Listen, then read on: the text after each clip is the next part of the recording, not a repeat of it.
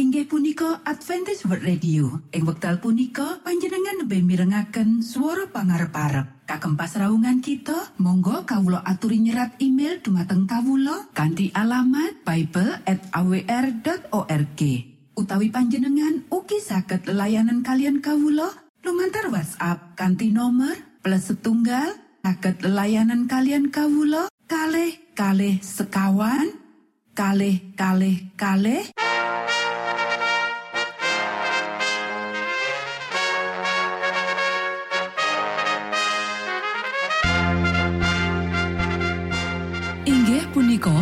Adventis World Radio ingkang giaran kanti basa Jawi.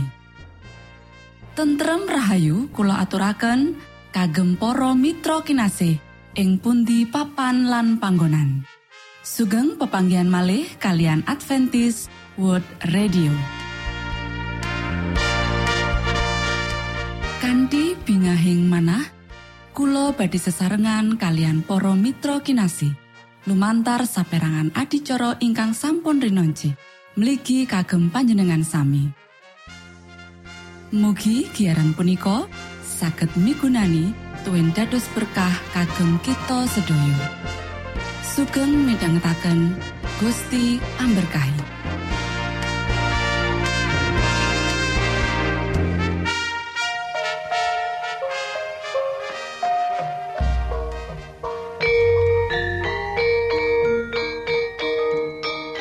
Para pamirsa kinasih ing Gusti Yesus Kristus sugeng pinanggih malih kalian Adventis World Radio.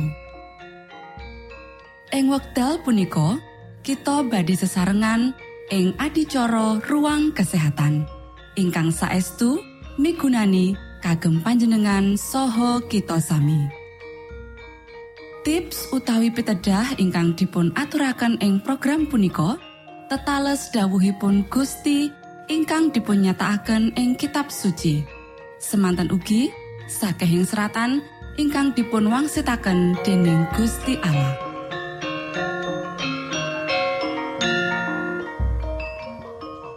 Nanging saderengipun monggo kita sami midhangetaken kidung pujian. Hai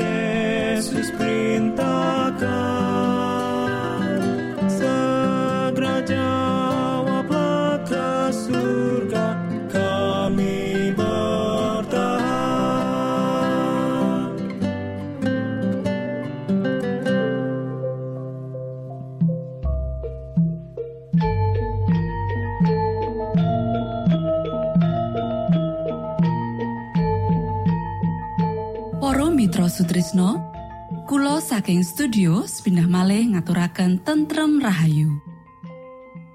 Puji syukur dumateng Gusti ingkang murbeng dumati ingkang sampun kepareng paring wewenngan kagem kita. Satemah saged nglajengaken ruang kesehatan. Pirembakan kita semangke kanthi irah-irahan.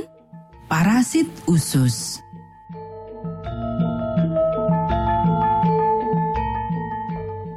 Nuwun dumateng para pamirsa kakung saha putri ingkang dahat kinurmatan.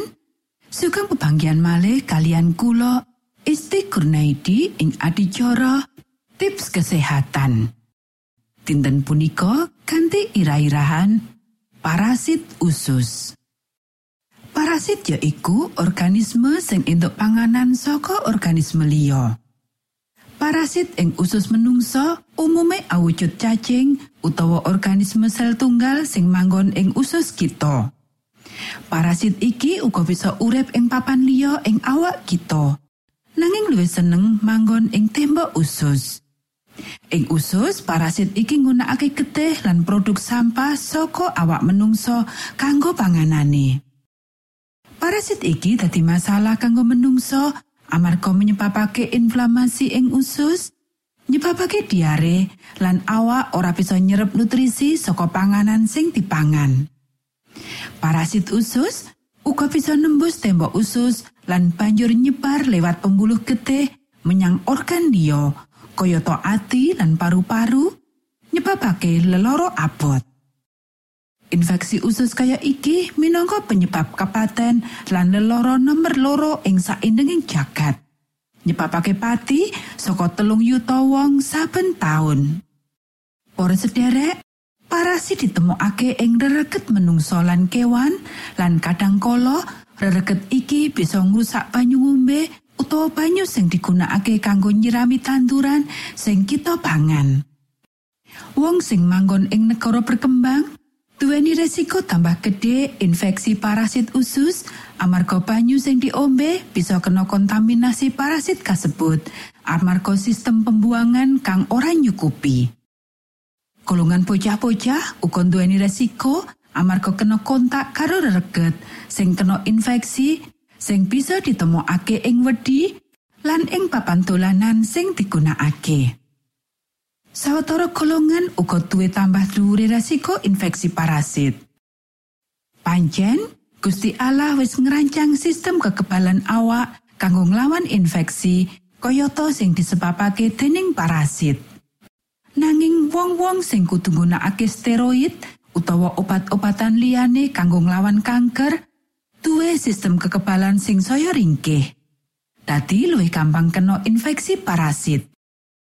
Kejaba iku, yen ana wong sing kena AIDS utawa kanker, kayata limfoma, sistem kekebalan awak uga saya ringkih lan resiko kena infeksi parasit usus saya munda.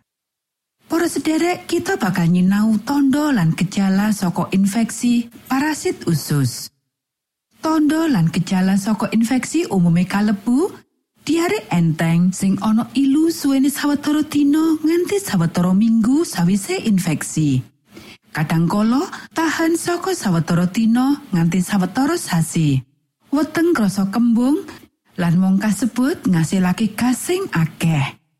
Ana uga mudhuni bobot awak, uga kulit dadi pucet. Amarga umume uga kedadian kurang vitamin, wong-wong iki gampang kesel lan ngalami kringkingen ing tangan lan ing sikil. Ing wektu iki emane ora ana gejala kanggo ngilingake wong sing kena infeksi babagan bebaya iki. Para sederek, yen panjenengan periksa menyang dokter, piyambake bisa ngira-ira infeksi parasit saka riwayate diare sing suwe lan kembung. Dokter uga niti periksa sesuker apa ana getih ing jerone. Iki bisa menehi pituduh. Niti periksa getih uga bisa mbiyantu nemtokake antibiotik apa sing cocok kanggo parasit kasebut.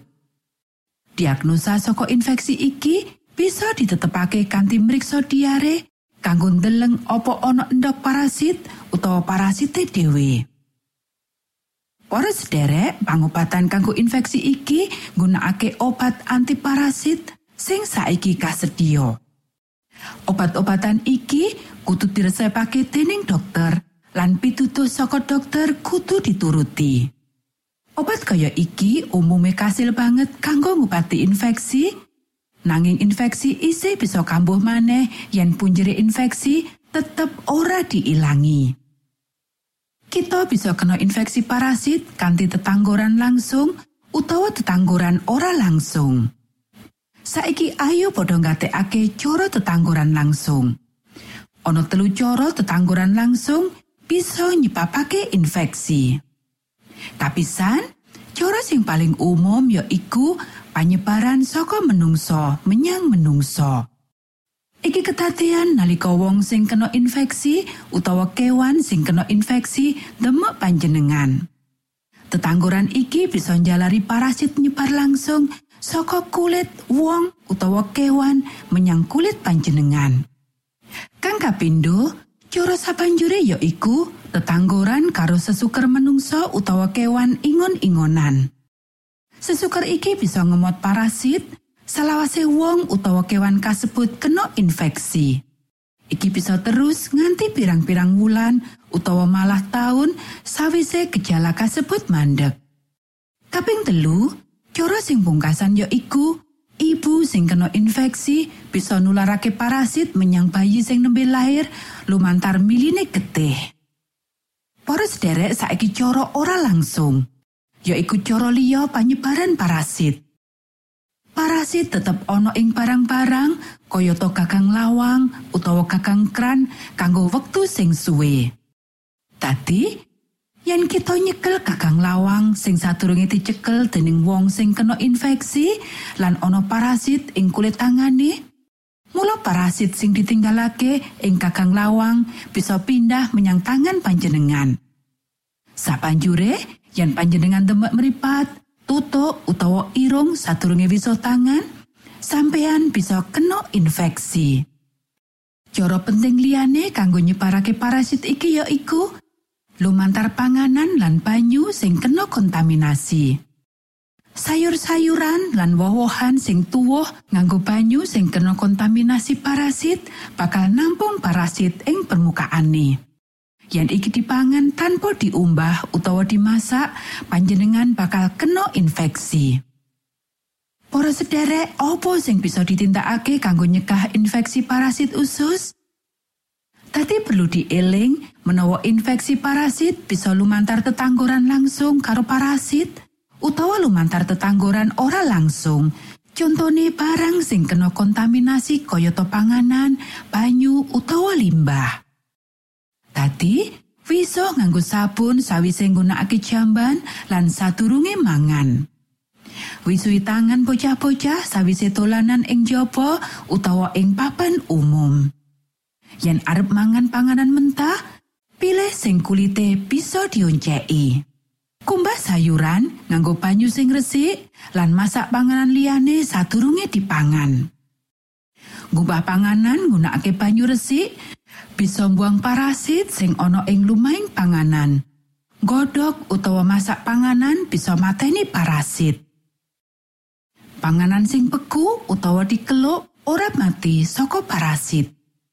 Yen perlu panjenengan kudu nggodhog banyu dhisik sing arep digunakake kanggo ngumbah panganan. Nalika lelungan, mung ngombe banyu botol. Singkiri panganan sing akeh gula halus. Biasane iki ditemokake ing panganan olahan sing diproses kaping pirang-pirang, ing permen lan junk food sing ngemot gula. Gula olahan iku panganane parasit. Cara liya kanggo nyekak infeksi ya iku aja nganggo barang liyan utawa nganggo barang bebarengan karo wong liya. Barang-barang resik pribadi kayata sikat untu, jungkat, alat cukur, gelas ngombe utawa alat mangan liyane. Para sederek, yen panjenengan wis diobati amarga infeksi parasit, priksa maneh kanggo mesthekake menawa parasit wis ilang. Tindakake pitutur dokter kanthi ngati-ati supaya panjenengan ora kudu ngalami infeksi maneh. Amarga menawa panjenengan ngalami infeksi parasit kaping pindho, biasane bisa nyebabake masalah kesehatan sing nemen.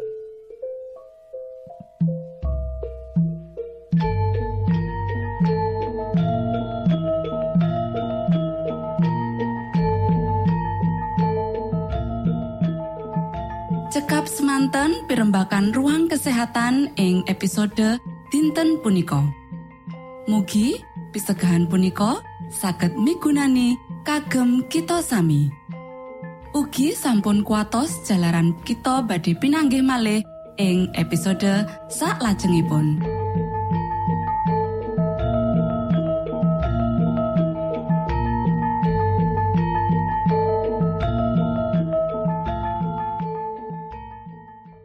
Inggih punika adicara ruang kesehatan.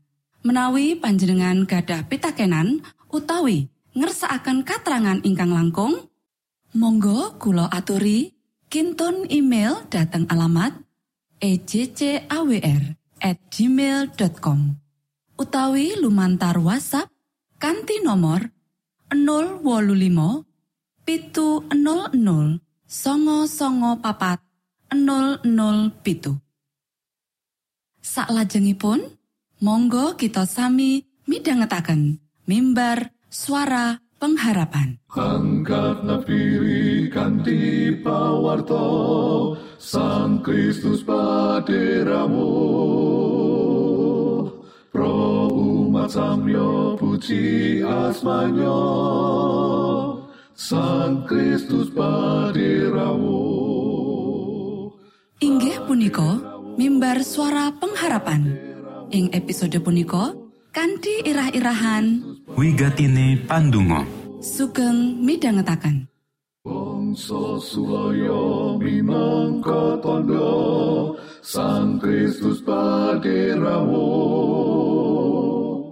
Ilmu kawero tambah tambah Sang Kristus paderamu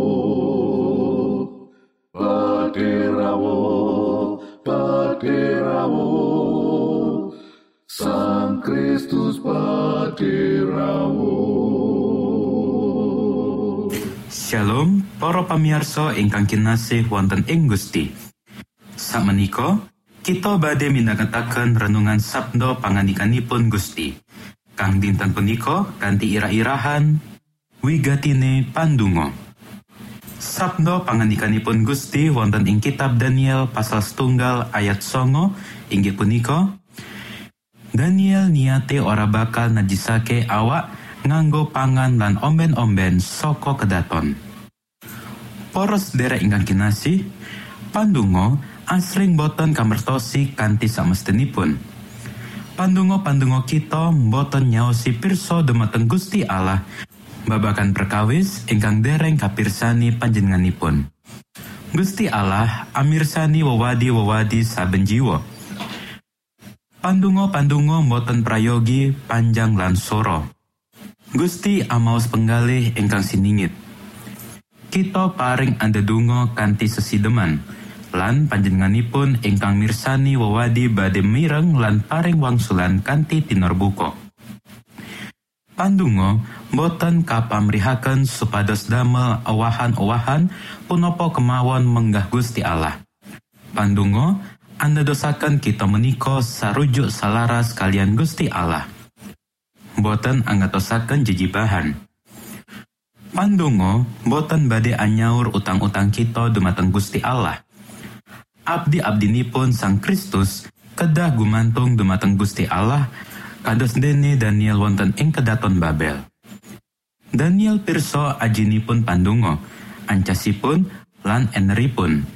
Lan pandonga-pandonga ingkang dipun aturaken sesarengan para sekabatipun dumateng Gusti Allah Saksampunipun pinilih dening Gusti noto kagem kedaton Babel sampun kawangsulan.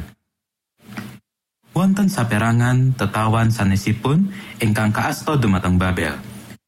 Tiang-tiang menika Gusti Allah keparengaken kacrah-cerahaken saking keluarganipun lan kaasto dumateng nagari ingkang manembah ing Braholo. Amargi piyambakipun lajeng kuwolo anyunengaken manah dumateng panembahan Braholo. Gusti Allah marengaken tiang-tiang pikantuk sedaya ingkang dipun pikajengaken awit pakulinteran manembah Braholo ing Babel. Kados dene hikmating donya mirsani menggah sedaya prakawasipun. Daniel tuwin tetigo sakabatipun anggadai sedaya kauntungan ingkang kacawisaken wonten ing Babel. Namung wonten ing mriki menika pedadaran ageng samangke badhe dateng. Pambangun miturutipun samangke badhe congkrah kalawan uger-uger landawipun sang noto. Daniel lan tetigos sekabatipun boten mendet ketetapan bilih amargi dedaharan dan unjukan meniko dawuhipun sang noto promile injih jejibahanipun kedah nampi menopo ingkang dados bagianipun. Piyambakipun donga akan perkawis meniko tuwe nyinauni kitab suci. Pawiyatanipun sampun dados kados dene kapribaden satemah panjenenganipun rumaos sinaosa wonten ing tetawan namung Gusti Allah menika papanipun sumende.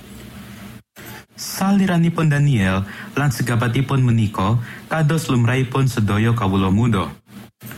Panjenenganipun menika keba ing totok Romo manah ingkang prayogi sikap hormat anggadai alusing budi lan andap asor. Poros sendiri ingkang kinasih nalika kita kinepung dening pamlituk ingkang nebihaken kita saking Gusti Allah pandungo-pandungo kita kagem nyuwun daya miwah pitulungan kedah datan wonten bosenipun. Menawi boten mekaten kita boten badhe nati kuwawi angrubuhaken raos gumunggung tuwin ngraosaken panggoda tumrap kekareman dedosan ingkang nebihaken kita saking juru wilujeng. Monggo kita sami dedungo Duh Romo kawulo ingkang wonten ing swarga asma paduka mugi kasucaaken Keraton paduka mugi rawuh. Karso paduka mugi kalampahan wonten ing bumi kados dene wonten ing swarga. Kawulo mugi kaparingan rejeki kawulo sakcekapipun ing dinten punika. Soho patuko mugi ngapunten kalepatan kawulo kados dene kawulo inggih ngapunteni tetiang ingkang kalepatan dateng kawulo punapa dene kawulo mugi sampun ngantos katandukaken dateng ing panggoda nanging mugi sami paduka uwalaken saking piawon. Awit dene paduka ingkang kagungan kraton saha wisesa tuwin kamulyan salami laminipun. Amin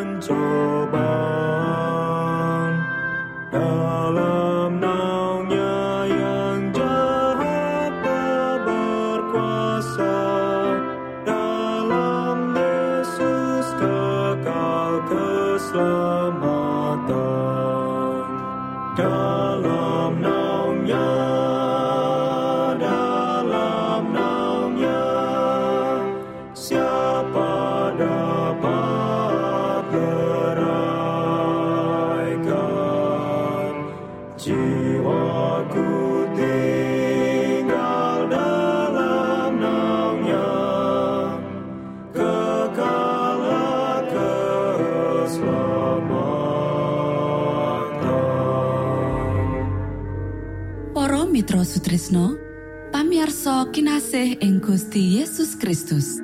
Sampun paripurno pasamuan kita ing dinten punika. Inggih awit winatesipun wekdal pramila kita pisah sawetawis.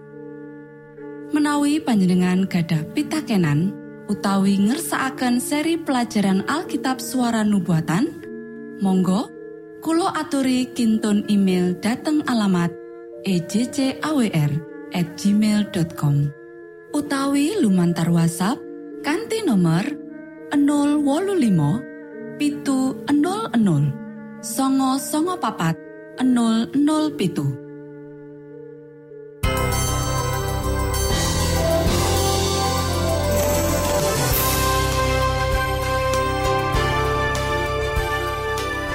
Matur nuwun kagem wektalipun kita badhe pinanggih malih ing gelombang ugi wekdal ingkang sami.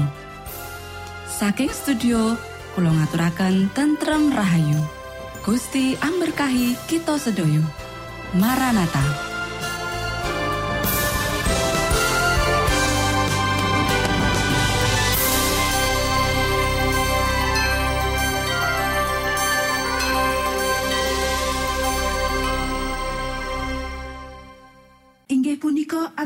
World Radio. Ing wekdal punika panjenengan lebih mirengaken suara pangarep-arep. Kagem pasraungan kita, monggo kawulo aturi nyerat email dumateng kawulo kanti alamat bible at awr.org.